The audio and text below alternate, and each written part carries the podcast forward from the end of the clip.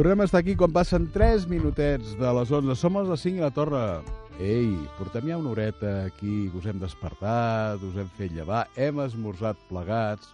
bueno, alguns, altres, altres no, però bé. Eh, I ha arribat el moment aquest esperat de l'entrevista, l'entrevista que us portem cada setmana i avui us volem parlar d'un tema d'un tema nou, un tema que potser encara encara alguns encara no n'heu no n'heu sentit a parlar, i és d'aquest primer festival de divulgació de la cultura romana. A veure si... Jo, jo és que sóc de, de ciències, no sóc de lletres, a veure si ho pronunciaré bé. Ilurum Vita. Em sembla que és això. I si no, bastant, bastant, bastant semblant. Però per parlar-nos de tot aquest projecte, de tot això, a més a més, ens, ens inciten amb en què es desencadena la Segona Guerra Púnica al Maresme. Eh, complicat. Tenim entre nosaltres el senyor José Antonio Ruiz, fundador d'Ilurum Vita, que ens, segur, segur, segur que ens en farà 5 cèntims. Bon dia i benvingut. Buenos días, muchas gracias. Uh, què és això de, de... Per començar, què és Ilurum Vita i, i quin projecte teniu al davant? Perquè em sembla que aquí en, és molt gran aquest projecte. Bueno, Ilurum Vita és eh, una visión de hacer un festival que en el sur de Europa hay muy, muy pocos, es que hay cinco o seis y todos concentrados, o bien en Francia, que hay dos, o bien en Italia. El resto pues son todos alto imperiales o bajo imperiales. Entonces nosotros queremos explicar esa guerra que cambió la cultura occidental para siempre, esa Segunda Guerra Púnica. Da la casualidad que estamos en una zona privilegiada donde los primeros combates fueron encarnizados, donde los romanos uh, pasaron de puntillas en sus fuentes, como decir, aquí no ha pasado nada, sí, pero hay 10 sí, años de diferencia. O sea, aquí cada cual saque las conclusiones, ¿no? Luego nos damos cuenta que en los yacimientos arqueológicos de la zona encontramos muchas vasijas cartaginesas y pocas romanas. Esto quiere decir que aquí hubo algo. Aquí alguna cosa que dios eh, nota, ¿no? Sí. Entonces, claro, nosotros queremos hacer eh, que la gente disfrute de sus orígenes. Sea, que, que Mataró, o sea, Mataró, el Maresma, que el Maresme era Sí, la marítima, sí, era, sí, era una provincia enorme, casi llegaba a los Pirineos, para que os hagáis una idea. Eh, hubo muchísimos actos de heroísmo y de lucha y demás, que bueno, que, que la, la gente tiene que conocerlos. Nosotros nos vamos a Creta porque hay ruinas allí, o nos vamos a Ampurias porque hay ru- ruinas allí. Aquí, por desgracia, nuestras ruinas, pues, no están como Es- debieran. Eh, estar enterrades i a sobre hi ha edificis. Sí, eh, moltes vegades, eh? me, me temo que sí. Entonces, claro, la única manera de enseñar esa, esa riqueza que nosotros tenemos, de la cual nos tenemos que est- estar orgullosos, porque es un más a más que tenemos. Somos, Venim d'aquí, no? sí, sí, además es que somos de los primeros que antes del imperio te, podemos fundar ciudades. Mhm. Es una excepción que me parece que en todo ese periodo hay cinco excepciones y nosotros somos una de ellas. Important. O sea, es- un detalle más que interesante. O sea, para ver excepciones así, nos tenemos que ir a Francia o nos tenemos que ir a Norte de África. Nosotros somos una de esas excepciones. Caray, ¿por qué no decirlo? ¿Por qué no estar orgullosos de ser una excepción en la, en la historia universal? Pocas ciudades pueden decir, eh, cuidado, nosotros nacemos eh, como consecuencia directa de aquella guerra 200 años después. Entonces, eso quieras como si no, es un más a más, es un valor añadido ya no solo a los ma- mataroneses y a los sí, sí, maresmeños sí. de, de ahora, sino mm, tenemos desde Gerona hasta casi Tarragona. Y Somos, somos del Maresma, es, nuestra tierra. Y bueno, pues eh, encuentro que, por ejemplo, Tarragona mm, se sienten muy orgullosos de, de aquellas ruinas, que me parece genial, todo, todo es Augusto. Pues nosotros, eso era que digamos, cuidado, nosotros somos layetanos y a mucha honra y montamos aquí una ciudadilla pequeñita que se llama El Turo, que ahora es, es Cabrera, Y luego se construyó una más grande que se llamaba Iluro. Y somos lo que somos. Sí, sí. Y, y tenemos que estar orgullosos, no, no pasar de puntillas, no es que cerca está Barcelona, ostras, que está Vic o está Girona. No, señores, nosotros somos excepciones en la historia universal. Que la gente lo sepa y se sienta orgulloso. Bàsicament hem de fer un acte reivindicatiu. Sí, és que Una- és, és, és. Bueno, i llavors, a veure, eh, hem fet la, el preàmbul Uh -huh. i llavors, què és el que és aquest primer festival? Què, què entra dintre d'aquest primer festival? Bueno, aquí lo, lo que vamos a hacer es primero que la gente se sitúe un poco en la época, porque hablar de la Segunda Guerra Púnica es un periodo, primero es muy amplio, segundo hay muchos, muchos, muchos frentes abiertos, todo el Mediterráneo entra en guerra, es como la, la primera gran guerra mundial, Sí, pero en aquella época, y todos están, o sea, todos tienen intereses de que ganen unos o ganen otros. Entonces nos encontramos por primera vez que nuestros antepasados, que era gente muy civilizada, que incluso para pelearse decían, a ver, eh, oye, quedamos tal día, tal hora, ¿cómo te va bien? ¿Te va bien? Sí. Ah, vale, pues mira, yo voy a llevar, vengo yo, dos, dos nobles más y tres escuderos. Tú lo mismo, ¿no? Sí, venga, vamos, quedo. Quedamos, comemos antes, ¿no? Va, sin más rollo, ¿eh? Si te corto la cabeza, que sepas que es desde, el cariño.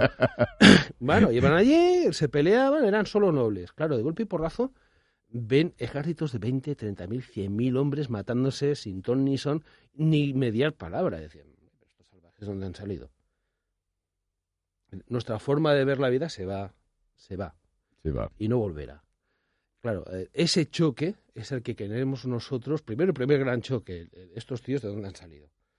Explicar de dónde salen tanto cartagineses como romanos, un poco por encima. Y explicar un poco la motivación de los cartagineses a iniciar una, una nueva guerra a nivel mundial y los romanos por qué les, les siguen el juego y entran también en esa guerra. Que creo que para la siguiente edición ya la gente por lo menos tendrá esa base ya podremos entrar con las pequeñas grandes historias, que es la que a mí me, me ilusiona, que son gente de Mataró, gente de Cabrera, gente del Montseny, gente de diferentes puntos, que explicaremos sus historias y la gente entenderá que hay un gran choque ahí. Y no es precisamente, bueno, lo que, lo que ahora tan de moda está, los choques de trenes. Sí. Son dos choques de dos grandes civilizaciones. Si hubieran ganado los cartagineses, no sabemos cómo hubiéramos acabado. Seguramente diferent. Hombre, en principio habríamos sido más liberales que los romanos y menos hipócritas, eso para, empezar.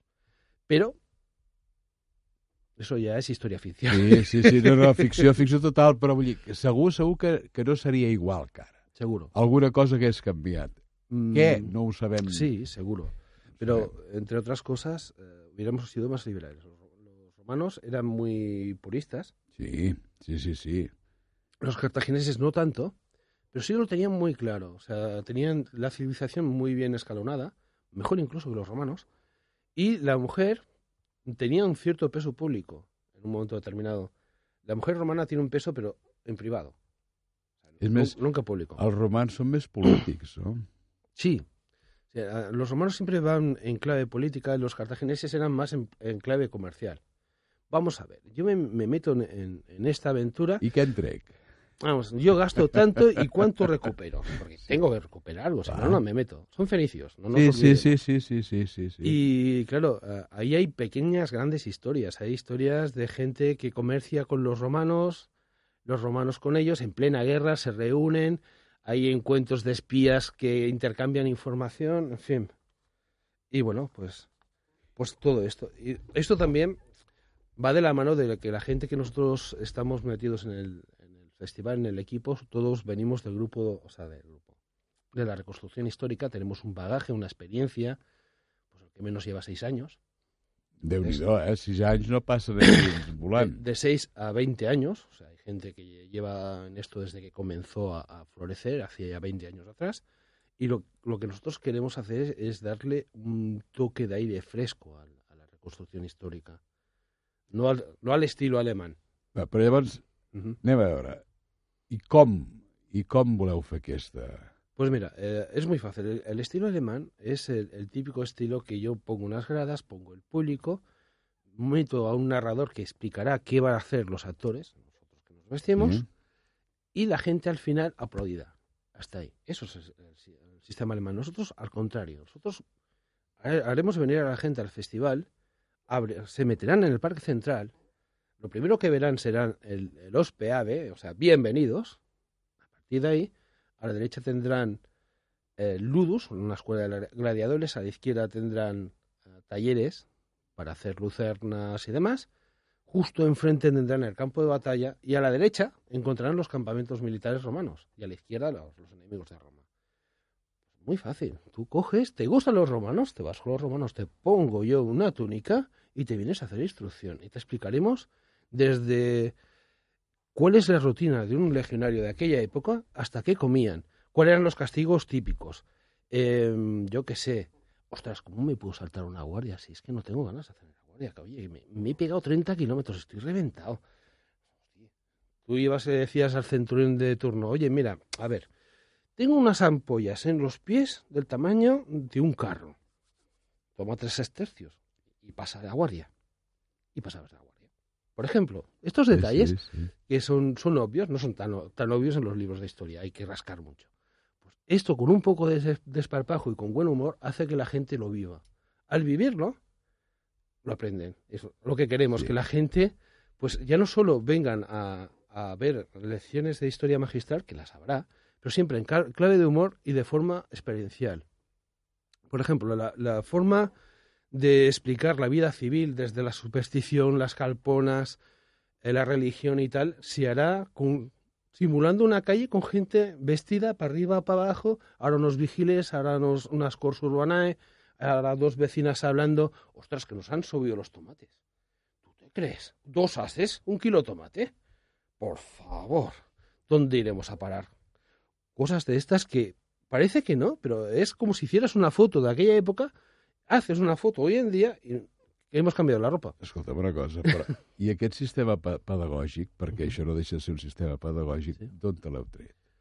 Pues mira, aparte de la experiencia de tanto ir a festivales para arriba, para abajo y ver que la gente es lo que pide, porque al fin y al cabo, a ver, cuando no te ven los jefes, puedes intentar innovar algo. La bronca te, la cae- te va a caer igual, entonces, eh, bueno, dices, vale, yo me llevaré la bronca, pero yo he experimentado. Entonces, pues, eh, en, en pequeñas actuaciones en el resto del estado, pues siempre he mirado de hacer, intentar contactar con el público, al menos en mi área visual, y dar esa, esa posibilidad fuera de lo que estaban explicando detrás mío. Y entonces, pues he visto que la gente tiene esa empatía, ese, hey, esto me gusta más que lo que hay detrás tuyo. Sí. Pues eso es lo que te anima, al, al hacer esas pequeñas pruebas un poco de espaldas a los jefes, si lo haces delante de los jefes, eh, el broncazo es, es de los buenos. Això ho dius per experiència. Sí, alguna me ha caído. Bé, llavors jo, jo m'imagino una cosa. Eh, eh, com tu m'explicaves, a la que entres a la dreta tindràs eh, l'exèrcit romà, a l'esquerra el cartellès, podràs escollir si vas amb uns o amb els altres, però escolta'm, això és un moviment, però és clar, eh, no estem parlant de que n'entrin 5 ni 10, sinó No, no. no. més a més pre preteneu que entri molta gent. Sí. I això com es, ¿Cómo se hace? com es fa? Va? Pues mira, eh, moviéndonos muchísimo. Desde redes sociales hasta prese- presentarte directamente en, en un ayuntamiento, decir, mira, nosotros vamos a hacer esto, necesitamos que nos den a conocer. Desde aquí hago un llamamiento a todos los, todos los ayuntamientos de Mataró, comenzando por el nuestro. Bueno, más o menos vamos todos cogidos de la mano. Tots els ajuntaments del Maresme. Sí. Sí. No, no de la antigua. Ojalá. Pero Sí, perquè abans em deies que arribàvem fins als Pirineus, dic, escolta'm, doncs vinga, va. sí, sí, ojalá. Jo crec ojalá. que aquí pot començar un punt reivindicatiu, eh? Sí, no, es que, a ver, eh, muchas veces nos reímos, pero cuando tú explicas, es que el Pirineo era, era nada, era la antiplanicie del mar, lo creían así. Eh, te dicen, ¡hala, salvaje! Si estás a... Uf, lejísimos del mar. 300 quilòmetres. Dices, hombre, mm, depende cómo te lo plantees. Claro, ellos lo planteaban que aquello estaba allí mismo. Y para ellos eran una semana de viaje, tranquilamente. T'anava a dir, però és que, a més a més, a a 300 quilòmetres que els fem amb 3 horetes de cotxe, Ujú. eh, aquesta Era- època... eran semanas o meses. Sí. Dependía del caso, si ibas Ara recordava allò de les ampolles en los pies i tot això, i venia d'aquí, no? Sí, sí, sí. A ver, y eso que eh, en esta época todavía los legionarios sí caminaban, pero todas sus pertenencias iban en un en una caravana de, de bagaje que le llamaban. Y, iban carros cargados con contubernio tal. Pues aquí está todo lo vuestro. Iban más o menos solo con la armadura puesta y las armas, lo típico. Que l'armadura té un pes. Eh? Bueno, sí, solo 30 kilillos, nada. Es para... Eh, bueno, lo importante es que se lo pasaban. No, no se lo pasaban. La, la instrucción es muy seria. No es tan seria como después será con las reformas de Mario, que serán casi 90 años después. Pero es seria. Ahí es donde nos encontramos por primera vez el, el fin del soldado, del soldado ciudadano y comienza a perfi- perfilarse el soldado profesional. Es de aquellas, mo- aquellos momentos en la historia en que ves con claridad cómo se va agotando una época y van haciendo otra. También es, es muy interesante. Uh, a veure, això tindrà lloc del 14 al 16 d'agost. Sí. O sigui que en ple mes d'agost, o sigui, amb un ambient tòrrid, Sí, eh, bueno, la, la- la época de la guerra. la ju- junio, julio, agosto, septiembre eran épocas de guerra. de bon temps. Hombre, a ver. No, ah, tú imagínate. 30 kilos, eh, hierro, lluvia, nieve. mm, Llegas al campo de batalla, eh, quieto, me tengo de poner aceite porque esto no funciona. El otro de pasa lo mismo, pues venga, todo el mundo a echarse. No hace serio. Mm, Tenemos que aplazar la batalla dos días porque tenemos el equipo hechos unos zorros y vosotros igual. Bueno, no, no queda bien. Cambio en verano, pues un pañito, te tiras al agua y venga, limpio. Bueno, limpio. Bueno, de aquella manera. sí. Entonces, eh, la- normalmente, bueno, pero esto se remonta mucho más, a- mucho más atrás. Eh, tradicionalmente las guerras siempre habían sido en verano, después de la cosecha. Sí, perquè, Era, era una ley no escrita. clar, perquè els, aquests soldats que no eren professionals primer tenien que fer la collita i llavors podien fer la guerra. Exactamente. A ver, había una, una ley en, en Roma, la hizo Numa, uno de los primeros, el primer emperador, el primer rey de Roma, de la época monárquica, que dice, tú vendrás a defender Roma siempre y cuando tú te hayas encargado de tus asuntos personales. O sea, tú vas a tus tierras, recoges la cosecha y cuando has recogido la cosecha, coges las armas que nos vamos a la guerra. Claro, ese pensamiento era porque nos enfrentábamos, vamos a ver por caso, somos Roma y Argentona es nuestro enemigo. Envías un heraldo, oye, que entramos en guerra, pero ahora mismo no, porque tenemos la cosecha menos, medio en medio, vosotros cómo lo tenéis, igual, pues venga, va. Acabemos y nos liamos a tortas después. ¿Os parece bien? Venga, genial. Lo hacían así. O sea, claro, eh, esto dicho así como medio en broma, que era hasta simpático, pero era, así. Oye, que te envío un heraldo que, mira, no te, no te sepa mal, que nos, de rompernos las caras nos las romperemos, pero vamos a esperar un poquito, que tengo esto o tengo aquello, o también te encontrabas...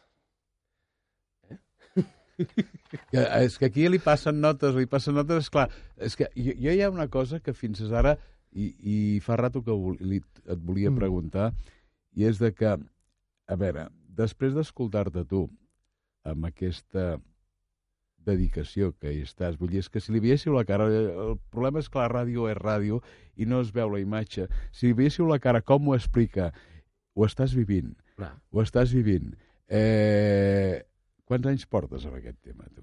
A ver, yo eh, soy de los que men- de los que menos tiempo lleva vestido de, de romano. Yo llevo solo seis años. ¿Cuántos? Seis. Seis años. Seis, pero personalmente implicado en esto unos doce. És que, és que traspues una sensació de que ho estàs vivint, que, que, que ho notes. Vull dir, escoltant-te, jo eh, ja he dit abans, abans de començar que jo, jo era de ciències, però hi ha una cosa que a mi, doncs, la, la història m'agrada. Sentir-te ara explicar això és que, bueno, ja, escolta'm, quan anem, quan anem perquè vingui jo també, eh?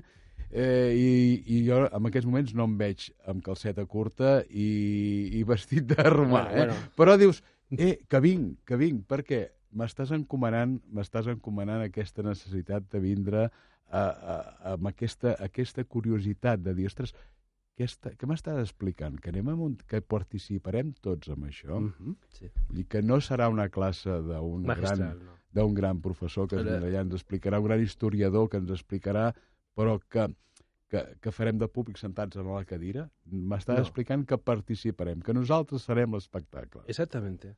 Es que la, la idea es esa. Eh, ¿Por qué agosto? El millón. Sí, sí, sí, és que, és que aquesta és l'anava al darrere perquè dius, bueno, molt bé, perfecte, però i què, què voleu aconseguir amb això? En, en agosto, primero en Mataró, Mataró, no nos engañemos, está muerto en agosto. sí, Para nosotros, agosto acabat, s'han es, acabat les santes i estem de vacances. es, eh, hemos, hemos, venimos del bajón de las santas. O sea, estamos... Entonces, cuando nosotros fuimos a presentar esto al Consejo Comarcal, el Consejo Comarcal nos pasó con el Ayuntamiento, el, el Ayuntamiento nos dijo, ah, pues mira, ya tenemos cosas para, para agosto. Digo, bueno, pues venga, agosto. Y lo que a el, priori... el plantejament potser no és aquest, No, eh? pero a ver, lo que ellos nos, en cierta manera, nos, nos invitaron, entre comillas, luego los técnicos se encargaron en- de decir, no, es que es imposible porque Mataró, Mataró, vamos a ver, Mataró, Mataró, Mataró. Mataró es un pueblo que siempre se ha levantado cuando se ha necesitado. Mataró si sabe que hacemos esto y esto es para y por Mataró, Mataró reaccionará. Estoy seguro, y a mí no me cabe ninguna duda. Eso para, para empezar. Luego convirtamos nuestras flaquezas en fortalezas. También es un sentimiento muy mataronés, o sea, eh, no, ¿por qué no? Tú comienzas a darle vueltas, pero esto me ha dicho, por, no por aquí, vamos a dar la vuelta por aquí. Aquí va a ser el sí. Y te giras y haces el sí. ¿Cómo? Vamos a turoperadores, hablamos con hoteles, hablamos con quien sea menester para atraer la gente y para movilizar esto. ¿Por qué? Porque nosotros creemos que está bien los festivales que se hacen hoy en día en Cataluña, que no son pocos, son bastantes, pero pierden la, la fuerza en, en no tener el valor suficiente de decir, señores, aquí estamos y vamos a hacer esto. No lo hagamos chiquitito que no se vean. No, somos grandes y estamos aquí, en el puñetero medio. Fracasemos o triunfemos, Ara, eh, que nos jo, vean. jo, jo, jo tornava a dir, si, si fracassem, i entén-me, eh? O enteneu-me, si fracassem que sigui un gran fracàs i si triomfem que sigui Que un gran triunfo. Però quedar a mitges tintes... No. mm, A ver, yo pienso que, por ejemplo, la campaña de crowdfunding que estamos llevando a cabo ahora, nos ha costado mucho arrancar porque somos novatos, para todo pues hay, hay que tener un cierto bagaje, cuando no- nosotros creíamos que dominábamos una cosa, te das cuenta que te fallaba otra cosa, ahora tira para atrás, tira para adelante, hasta que por fin, en esta semana, ya podemos decir que ya está la plataforma en condiciones para comenzar a lanzar la campaña como Dios manda. Pero entre pitos y flotas nos han pasado tres semanas de nervios de, ostras, esto no va así, ahora esto va de la otra manera, tira para atrás, eh, avisa a la gente de Facebook, oye, que me he equivocado, que tira para atrás. No hace serio, pero también somos humanos, y eso es lo, imp- lo importante, que la gente vea que no somos máquinas, que no somos Ahora. una gran corporación, que somos emprendedores de aquí, de Mataró, y de, de la resta de- del, del Maresme, resta del Maresme al antiguo Sanzaur. Hay gente de Tarragona, hay gente de Tarragona, hay gente de Manresa, hay gente de VIP, hay gente de Girona, hay gente de Blanes, quien nos, nos apoyan y nos ayudan. Hay gente del extranjero que nos envían a través de la campaña de crowdfunding. Hemos recibido una gran respuesta a través de- del primer tráiler. Pues queremos venir con vosotros. O qué hay que hacer para asistir a tu festival. O, oye, eh, esto es muy grande. Esto en el sur de Europa vais a ser los primeros. Queremos venir con vosotros. Bueno, pues esto es lo que queremos. Que vea la gente que esto no es cuatro que se visten y ya está. No es mucho más. No és... No és. A veure, a, per, amb aquesta campanya de crowdfunding eh, heu de recollir, si no tinc mal entès, 55... Sí. O teniu la pretensió de recollir Sí. 55.000 euros. Sí. Llavors, això hi poden participar des d'aportacions de quan? Desde cinco en adelante. De 5 a 5.000. Sí, por ejemplo. Ojalá fueran más, pero a ver, seamos, seamos sensatos. Eh, lo interesante es que, bueno, pues en la, en la plataforma que es sin, sinanclip.com eh, barra project barra ilurumbita, que es donde tenemos la campaña, pues bueno, eh, allí verán que hay desde 5 euros hasta 3.000 o more, como pone allí sí, en medio sí, inglés, sí, ¿no? sí, sí, sí. Eh, vale, nosotros lo que queremos también es avisar o a- decirle a, a las empresas de todo el Maresme, eh, estamos abiertos a hablar con vosotros o, o a poneros vuestros, vuestros logos en nuestro, nuestro festival, pero necesitamos vuestra implicación, sí. ya no solo monetaria, o sea, no es aquello que venga un mataró por y te va, un plomazo lo soluciono yo, no. Mm, Es más interesante muchas empresas pequeñas que se unan y se hagan suyo el festival, porque al fin y al cabo esto va de pasiones, esto va de... Sí, de- no, no, amb això, això ho hem comprovat, que va de passió. Esto va de, de, de, de que todos, Costa Brava, nosotros, eh, el Vallés Oriental, el Vallés Occidental, se lo haga suyo, diga, esto es nuestro. Jo és que, escoltant ara amb tot això, creus que amb iniciatives com aquesta deixarem de banda el turisme de sol i platja? No, pero lo que le estamos dando es un valor añadido, que es lo que el, Sí, sí. el turista de hoy en día, por suerte cada vez más, son familias y son gente, o que no sean familias, son singles, que los singles de unido. Tienen una, una vertiente muy, muy cultural. Entonces, claro, eso está- de, de irte a la discoteca hasta las tantas está muy bien. Lo de torrarte el sol, tienes el sol todos los santos días.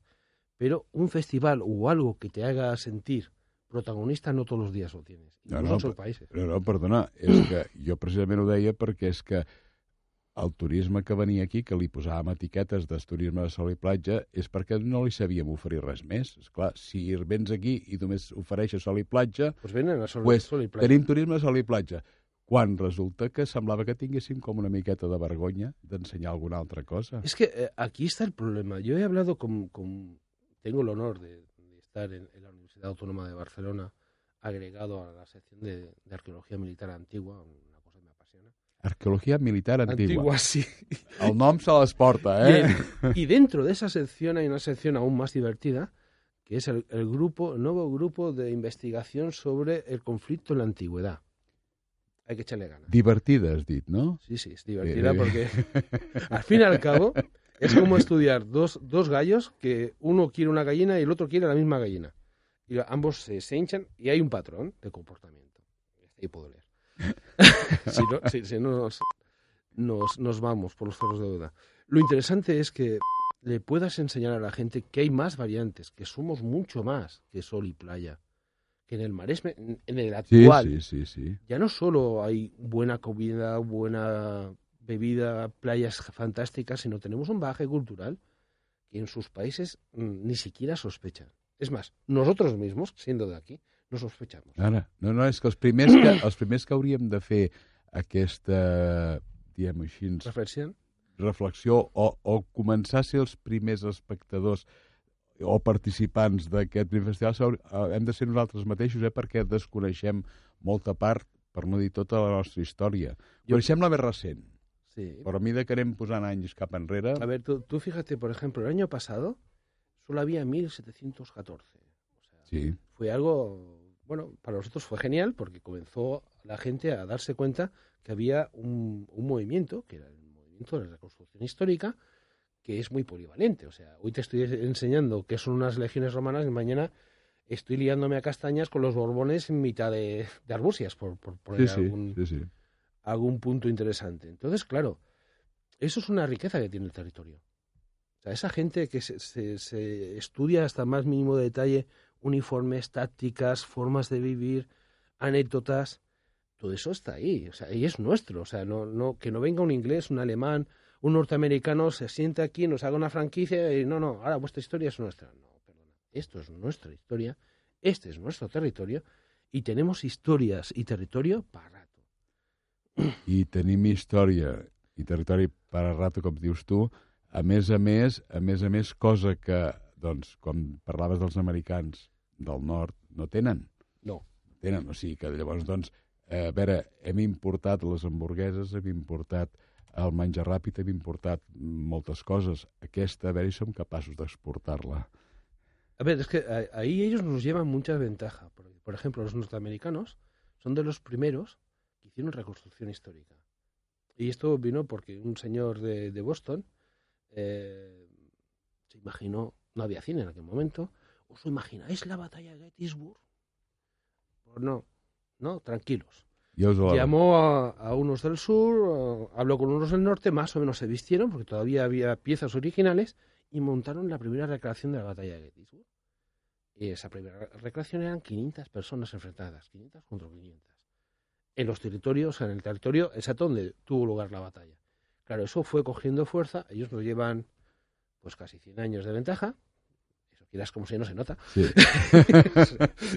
Podemos mirar de pasar, pero va a ser que no. Pero bueno, poco a poco vamos cogiendo bríos y vamos enseñando cosas que los demás no enseñan.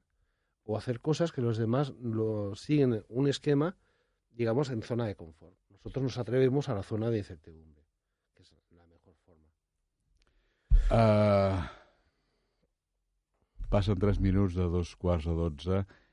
Hauríem d'anar replegant una miqueta, és el que té la ràdio. Eh? És el que té la ràdio, perquè és que ara a mi, jo m'està passant una cosa, vull dir, és que escoltant-lo amb ell podríem estar aquí hores, hores, hores escoltant-te, perquè és que, a més a més, et, uh, ens, a mi m'està passant, i crec que des de casa vostra també us passa, de que us està encomanant aquesta, aquest, aquesta vitalitat, aquestes sensacions fortes. Una cosa, va, vinga. El, del 14 al 16 d'agost, primer festival de divulgació de la cultura romana al Maresme. Eh, la gent, necessiteu voluntaris, necessiteu pues, empreses... A ver, necesitamos sobre todo empresas que no, nos, puedan, nos puedan aportar. No nos engañemos. Económicamente sí. es un punto muy importante. Queremos hacer algo con un, un impacto muy fuerte sobre el territorio y creo que ya no es solo una cuestión de, de, de Ilurum Vita o Ilturo, que es el, al final los que estamos detrás de todo este sistema, sino que la gente se tiene que ilusionar con nosotros. Y tienen que ilusionarse porque esto no es solo nuestro, es suyo. La campaña de crowdfunding, por ejemplo, pues, pues sin, sin sit am clip barra project barra Ilurum Vita para el que si quiera entra, aportar. Si entren a Ilurum Vita también, hi, también hi haurà, está, hi haurà está el, el una connexió. Mucho más fácil. Més fàcil, i l'Urum Vita entren y tendrán un link para entrar a la campaña Las recompensas van desde un agradecimiento personal en redes sociales hasta, pues bueno, hacer de legionario en un acto privado, venirse a la cena de fin de, de festival, que será apoteósica con obra de teatro, gladiadoras, sátiros, en fin, un, una celebración como, como los dioses mandan. hay, hay, que, hay que situarse, si no, no, no hacemos Sí, las cosas como sí, tocan. Sí, sí, sí. Hasta el coger y personalmente yo llevarles y presentarle a gente como Gabriel Castelló, que, está, que estará con nosotros, ya ha dicho que sí. Por ejemplo, Leonardo Arbel, Albert, que es un, es un escritor no muy conocido y que su, su novela Más allá de Roma transmite mucha pasión, pero que, que yo un poquito más que él, porque de unido. Déu, Déu-n'hi-do la passió que transmets, tu. Y, y bueno, es, es un, gran, un gran autor que la gente no conoce, pero que estará allí con nosotros apoyándonos. Y luego, pues estamos en perspectivas de que venga el mismísimo Santiago Posterguillo, Mm, que es sí. una- uno de los ah, escritores más conocidos en, en este mundillo. Y luego, pues tenemos también ah, actores, lo que por no liarla con el apellido, diré que es uno de los malos de la Riera, de, Val. de la serie La, Ribe- la Riera, y que, bueno, que, que quiere y va a venir a, a ayudarnos a, a que este festival salga adelante. Molt bé. O sea, es un llamamiento para que todos eh, bueno, pues, somos Ilurumbita al final. Molt bé, doncs uh, recordeu, del 14 al 16 d'agost eh, tindrà aquest esdeveniment, aquest primer festival de divulgació de la cultura romana al Maresme eh, succeirà aquí, a Mataró, en el Parc Central. Sí, del antiguo parque, parque central. Si, si voleu, ja comenceu a pensar si voleu ser romans, si voleu ser... Cartagineses, griegos, celtas, iberos. Sí. Cuidado que la cosa se complica. Estamos en Facebook, Sí? en la página Ilurumbita y también en ilturo.com.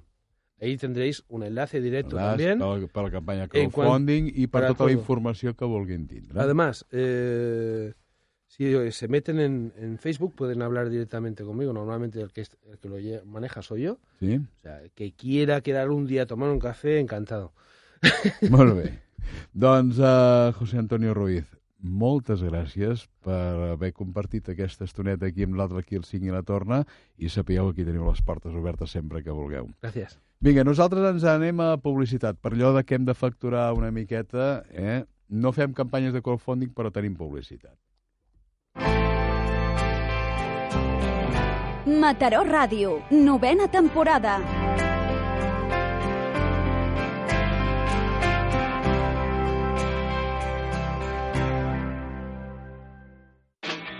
Siguis on siguis. Siguis on siguis. Vagis on vagis. Vagis on vagis. Escolta Mataró Ràdio. mataròradio.cat No perdis el contacte amb la teva ciutat. mataròradio.cat Mataró Ràdio. Cada dia, més a prop teu. Esport en família, al Sorrall. Quota familiar de 73 euros amb 99 cèntims al mes. Gratis tots els fills de fins a 20 anys. Som gent Sorrall. Mediterràniament.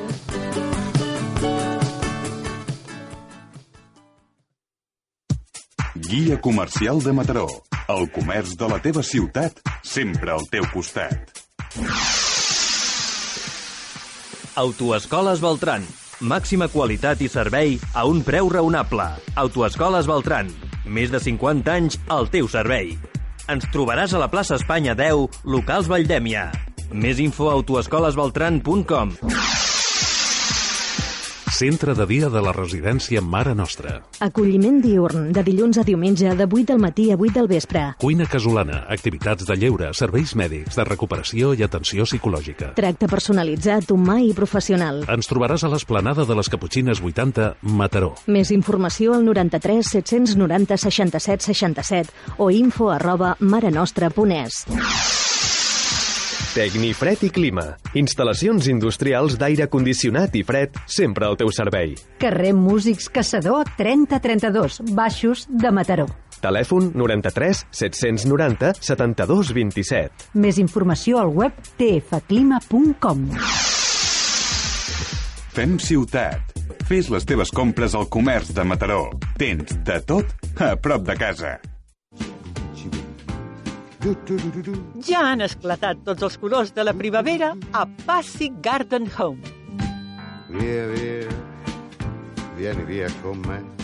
Vine amb nosaltres i descobreix els més innovadors mobles de jardí, complements i el meravellós espectacle de la natura i a uns preus irresistibles. Emporta't a casa la primavera de Passy Garden Home. Obrim tots els dies i no tanquem al migdia a la Ronda dels Països Catalans 11 Mataró. Passy Garden Home. Passió per la jardineria. Cada dia, a partir de les 7 del matí i fins a les 10, escolta Benvinguts a Pitrònia, els temes i l'actualitat del dia, on l'oient posa la veu trucant al telèfon del directe. Benvinguts a Pitrònia, dirigit i presentat per Pere Sánchez. Bona tarda. Som Educació Dia a Dia, a Mataró Ràdio. Cada dilluns de 6 a 7 de la tarda. Ens podeu escoltar. Perquè s'hi parla de nosaltres, del que fem. Adéu. La ràdio. Uh! Molt bé! En aquest moment l'equip està fora de perill. És 13 amb 29 punts. Aniria bé per retallar posicions, però... Gran partit ahir, des del punt de vista tècnic, és a dir, aquells partits que agraden als entrenadors però no agraden gaire al públic. Un partit que realment va ser, primer de tot, un espectacle pel bàsquet mataroní i el balanç es pot resumir claríssimament amb les decisions arbitrals. Fa que la, la rasa s'obri una mica més. Ara el líder és a 4. De l'emoció i la tensió fins a l'últim segon. I en l'últim quart començaven les coses prou bé.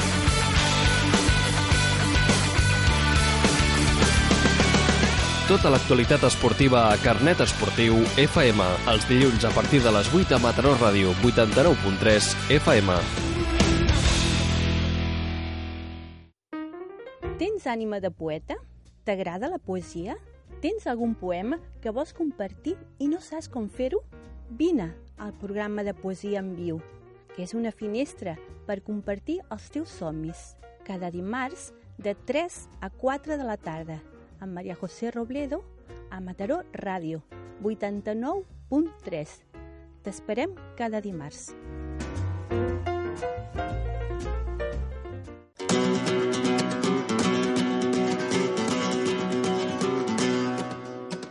Tots els dimecres, a les 22 hores, Rafael Ángel Acedo, amb Duende i Compàs, et portes a les arrels del cante flamenco.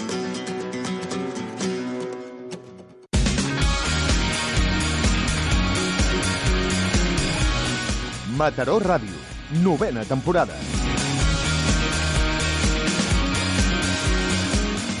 Vivim la novena temporada amb més força que mai.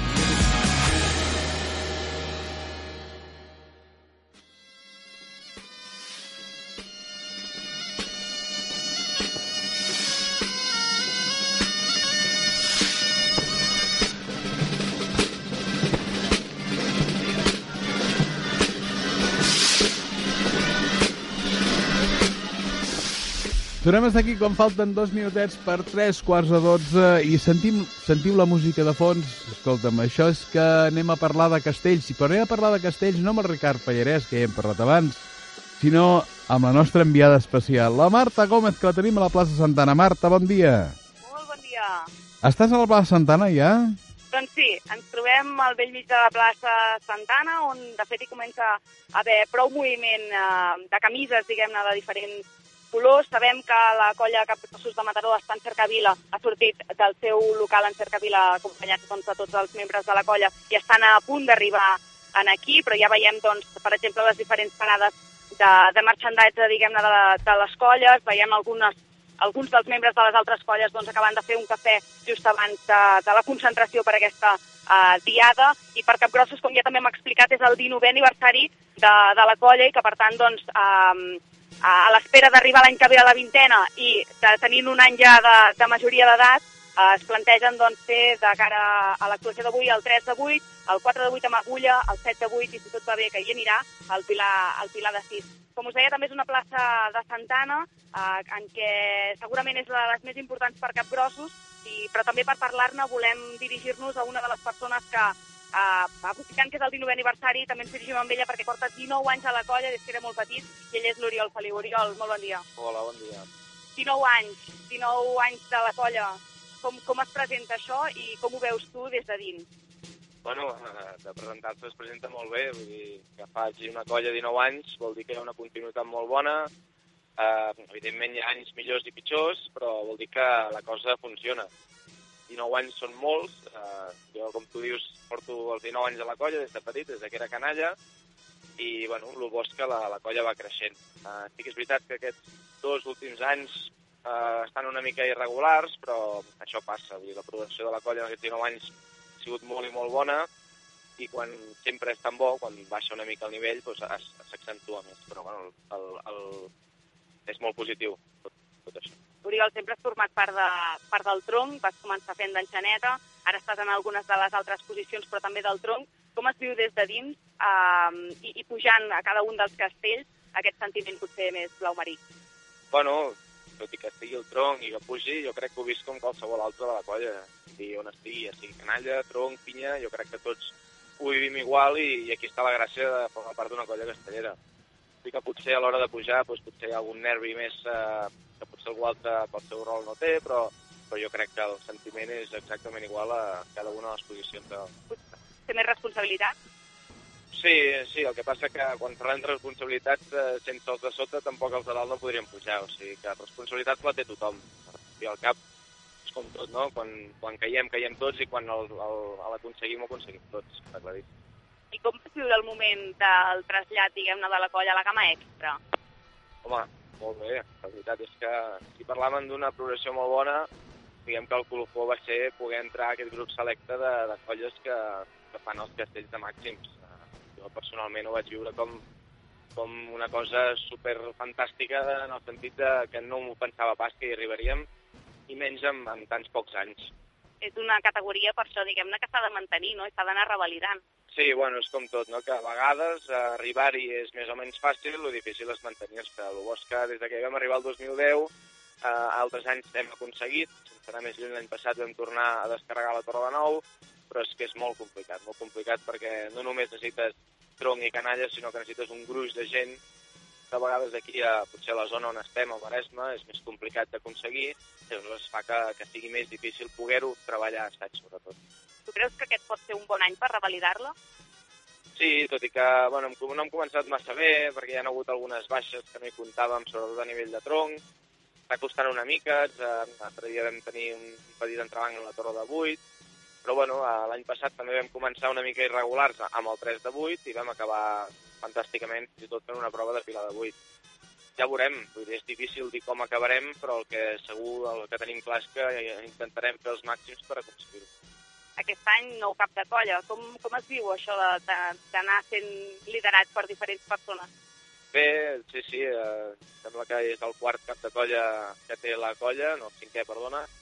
Uh, bé, bueno, com a tot canvi, hi ha expectatives, hi ha, bueno, hi ha hipòtesis no, de com funcionarà, quina és la manera de treballar, de cantar els castells, però bueno, el bo és que tota la colla en té ganes, ja sigui una o l'altra, perquè l'important és que la colla tiri endavant, i si aquesta persona té ganes de fer-ho, nosaltres el seguirem fins al faci falta. Per tant, és, és positiu, diguem, d'anar renovant. Sí, jo crec que sí, que és positiu. I a més a més, la, la manera de renovar que tenim nosaltres és de forma molt continuista. No? Cap de colla en Mia doncs, va preparar una persona que el va fer cap de tronc, va estar coneixent la colla molt per dins, com és en Jordi de Sants, fins que va arribar el moment en què van decidir fer el canvi. Això ha passat ara i ha passat en les anteriors quatre vegades. Vull dir. La, la manera de fer nosaltres és molt bona perquè no suposa un canvi molt dràstic perquè la metodologia, diguem que segueix la mateixa línia i això suposo que ajuda molt a la colla i per això estem on estem. Uh, com com s'ha plantejat uh, aquesta primer inici de temporada, per dir-ho així, aquest inici de temporada, com s'ha plantejat amb aquest nou cap de colla i com creus que serà l'evolució fins que arribem al novembre per passar la temporada? Bueno, el plantejament jo crec que és el mateix de cada any, no? d'intentar acabar de consolidar els castells de, de l'any anterior, tot i que, com et deia, hem tingut algun problema a nivell de tronc, hi ha hagut canvis obligats, i això sempre dificulta una mica l'evolució. Uh, clar, el plantejament és intentar que surtin els castells bàsics de 8 per a partir d'aquí deixar els de 9 i anar treballant de cara pues, a, la, a la gamma extra, que és on volem arribar tots a final de temporada. De cara a Santes, que potser és una mica també el colofó de la temporada, no? Uh, com es presenta i, i com, com ho vius tu? Nervis? És una actuació que, que normalment es pateix molt? O... Sí, diguem que Santes representa el, el final del primer tram de, de la colla i és on te, te volem fer el millor, el millor de lo millor. No? Clar, és una actuació molt especial, a, un lloc per nosaltres molt emblemàtic, com és Santana. Ah, L'objectiu sempre és tirar el millor que tinguem. Clar, sempre hem intentat eh, portar al màxim, fins al punt de, per exemple, fa dos anys, de gamma extra. Tot i que és difícil perquè eh, nosaltres, diguem que comencem a, a poc a poc, no? I al- aleshores anem treballant per Santes intentar fer el millor. Intetarem fer el, el que màxim tinguem, sempre dins la seguretat de que ens en podem sortir, perquè si no, no, no ho provaríem. Però Santes sempre ens va molt bé, sobretot per de cara al segon tram, que és quan tenim les, les actuacions més fortes de, del calendari. I aquesta actuació que avui portem aquí, l'actuació d'aniversari, és una mica el pre-llançament, la- la- l'actuació que anirà prèvia a Santes en aquesta plaça i que, per tant, és una mica l'escalfament, per dir-ho així. Sí, diguem que aniversari representa l'actuació que, que dona una mica el tret de sortida de les actuacions grans. No? L'any passat, per exemple, vam aconseguir portar el primer castell de nou, aquest any no hem pogut per diferents motius, però sí que apostem en castells eh, diguem de, de gamma alta de 8 per poder fer els salts de nou, com és el 4 amb agulla, el 7 de 8, que et dona molta, molt de rodatge a nivell de tronc. Aleshores, l'aniversari sempre suposa per nosaltres un punt d'inflexió per dir, bueno, eh, posem-nos-hi en sèrio perquè, perquè ara venen les, les grosses. En aquesta plaça hi has viscut segurament moltes emocions. Què et transmet la plaça Santana de Mataró?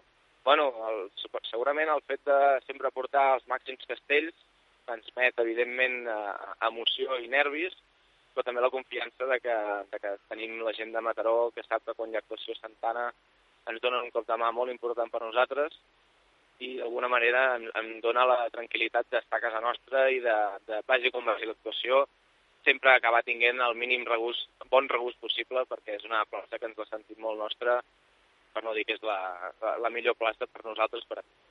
Què els diríeu a la gent, ja per últim, què els diríeu a la gent que, que avui us ve a mirar però que no forma part de Capgrossos? Necessiteu que us ajudi? Necessiteu que, que aplaudeixin al moment de l'aleta? Què necessiteu des de Capgrossos? Sí, el bo és que amb 19 anys vinguent aquí la, la gent ja sap una mica com funciona, no? Sap quan ha d'aplaudir, quan no, tot i que a vegades quan hem fet castells molt grans, doncs la gent pot que, que el cor li va més, més ràpid i aplaudeix potser abans d'hora, però ja comença a ser una plaça que no fa falta que els diguis com han de funcionar. Saben que estem oberts a qualsevol ajuda, saben que poden venir quan vulguin a col·laborar, vull dir, diguem que sense ser una plaça castellera com les que hi ha a la zona tradicional, comença a ser una plaça que hi entén de castell. Perfecte, doncs moltíssimes gràcies també, Oriol Feliu, per donar-nos també aquestes sensacions de cara d'avui a l'actuació del 19è aniversari de Capgrossos. Gràcies. Gràcies a vosaltres. Doncs com ens deia ell mateix, no, aquestes sensacions, aquesta plaça tan, tan de capgrossos que avui doncs, des d'aquí Mataró intentaran, com també ens deia, el 3 de 8, el 4 de 8 a l'agulla, el 7 de 8, i com que tot anirà bé, també acabaran amb el pilar de 6. Veiem com la cercavila eh, de capgrossos que ha sortit des del local eh, està a punt d'arribar a la mateixa plaça de Santana, encapçalada doncs, per els músics i, la, i tota la canalla, tot el gruix de canalla que té capgrossos, i darrerament doncs, tota la resta de, de membres de la colla arribaran en aquí i en pocs minuts, quan siguin les 12, eh, es començarà aquesta actuació que anirà també acompanyada doncs, dels marrecs de sal amb camisa de color gris i, ai, perdoneu, els marrecs de sal amb camisa de color blau molt més claret que el de Capgrossos i castellers de Sants amb camisa de color eh, gris. Seran, doncs, aquestes tres colles les que avui aquí des de la plaça Santana intentaran els seus millors castells. Molt bé, doncs nosaltres eh, en restarem aquí a l'estudi pendents de que després, a partir de les 12, fem una altra connexió per poder saber com ja ha començat aquesta, aquesta diada, diada del 19è aniversari de Capgrossos de Mataró, que com tu ben bé deies, un any més ja de la majoria d'edat, eh? Exacte, un any més ja pensant en la vintena, eh? O sigui que, que des d'aquí hi ha també una mica de, de previsió de cara a què es farà l'any que ve en celebrar el 20è aniversari. Hi ha, hi ha força públic a hores d'ara ja, perquè pràcticament se falten 6 minuts per les 12. Hi ha gent ja aquí pendent de, a la plaça Santana? Sí, sí, sí. De fet, ja hem començat a veure les, les primeres persones de diferents colles que es comencen a enfaixar. És a dir, que es preveu que realment l'actuació comenci directament al punt de les 12. Com us deia, doncs, la cercavila de, de Capgrossos de Mataró amb la canalla al davant està entrant en aquests moments a, a la plaça de Santana. O sigui que realment ara hi comença a haver bastant d'ambient. A més a més, segur que esteu sentint que, que, més, eh, que està tocant, diguem-ne, el Bequetero, el, la cançó per excel·lència també de les Santes, cosa que anima la canalla, anima, anima tota la gent de Mataró i que per tant és una mica també el, l'entusiasme perquè tota l'actuació d'avui d'aquí de la plaça Santana doncs vagi perfecta. Molt bé, doncs ho deixem aquí, Marta. Eh, connectem amb tu després, allà un quart, un quart i mig d'una per saber a l'últim moment com funciona aquesta trobada castellera del 19 aniversari de Capgrossos de Mataró. Fins després. Perfecte, doncs a punt perquè comenci també el pilar d'entrada a la plaça. Us deixem aquí i tornarem d'aquí uns minuts. Fins ara. Fins ara. Molt bé, nosaltres falten 5 minuts per les 12. Què us sembla? Posem una miqueta de música, us deixem amb el butlletí de notícies de la casa que entrarà a les 12 i nosaltres llavors encetarem ja la tercera i última hora d'aquest programa número 300, perquè avui celebrem 300 programes del 5 i la Torna, on tindrem una petita lliçó d'història i tindrem el ja capell de Conill amb el Josep Forç. Fins aleshores.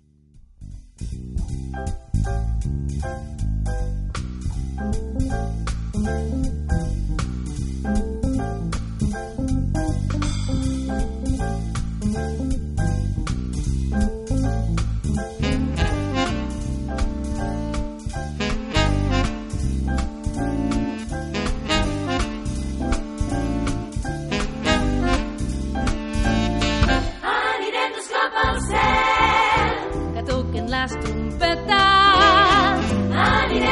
cap al cel, amb les mans ben netes. No ens caldrà portar bastó, ni sandàlies ni sarró. Tu que estàs tan cansat, tot un plegat trobaràs que has volat. Anirem tots cap al cel, toqui el bateria. Anirem tots cap al cel, amb crits d'alegria. Sonarà saxofon. Quan toquem els estels, toquem